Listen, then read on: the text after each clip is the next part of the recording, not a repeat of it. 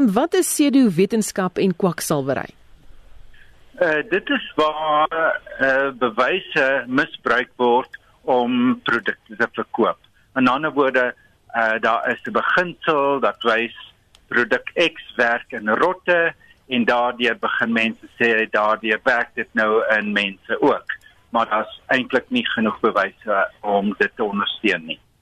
Kan jy voorbeelde noem van uh, jy weet pseudowetenskap en waar dit in SA bemark word? Ja, daar is 'n uh, uh, groot maatskappy wat 'n anti-aging tablet verkoop. Uh tablette wat sê jy kan langer lewe, maar die bewyse was in aardwurms bevestig. Uh dit is uh een van die voorbeelde. Ander is uh die baie van die maatskappye wat uh gewigsverlies produkte verkoop, vat uh bewyse wat nie eintlik wys dat die bestanddeel werk nie, maar hulle begin dit argiteer asof daar nou wel bevestigde bewyse is dat daar die bestanddeel of daai mengsel van bestanddele werk. So daar is eintlik nie genoeg bewyse nie, maar hulle gebruik die feit dat daar dat die bestanddeel ondersoek is as bewyse dat dit daar daardeur nou werk. Nou daar is instansies soos die Reklamebeheerraad, Verbruikerskommissie en Medisynebeheerraad in plek en beskerm hulle werklik Suid-Afrikaners teen die gevare van hierdie tipe raad. Nie sterk genoeg nie. Die mense wat eintlik die mees effektiewe rol moet speel is die mediese kontrole beheerraad en hulle doen basies niks nie. Hulle hulle kyk na die ortodokse behandelingsmetodes maar nie wat ons noem die complementary medicine uh die advertensie reklame beheerraad was tamelik effektief tot onlangs uh, Antagelin en Herbex het hulle hof toe geneem en hulle is basies bankrot en hulle is nou in business rescue so hulle moet nou weer op die been kom.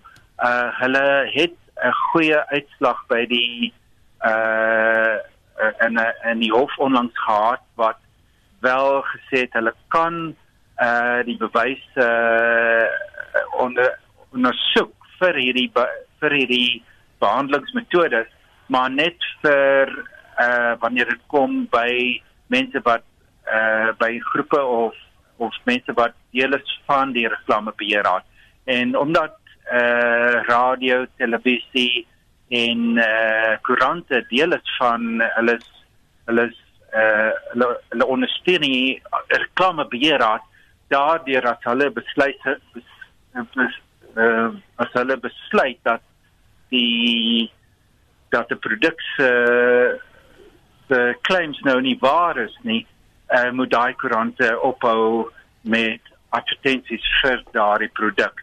So daar is tot 'n mate 'n sekere hoeveelheid effektiwiteit deur hulle, maar dit is ook afhangend van die publiek om 'n klag by hulle in te lê. Hulle kan nie gaan soek vir probleme nie die publiek moet wel 'n klag indien by die reklamebeheer beheerstraat. So wat beoog julle met hierdie beraad? Wel wat jy praat van die wat ons op die oomblik mee besig is. Ja. OK. Die die 180 mense wat hier so saamdrom is om te studie hoekom mense gevang word deur uh advertising claims wat uh, nie regverdig is nie. Hoekom mense begin dink aan dinge nie wat wat nie waar is nie soos uh climate change. Jy weet baie mense glo dat climate cha changes is nie waar nie. Wat is dit wat mense laat dinge ondersteun waar daar geen bewyse is dat daar dat dit wel miskien moontlik is nie.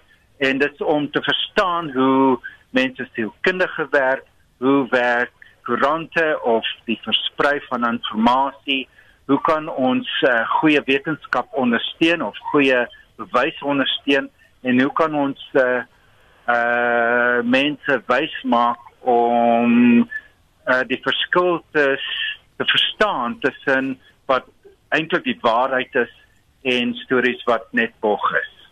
Baie dankie dit was Dr. Harris Steinman, 'n Steinman, 'n mediese dokter en stigter van Camp Check.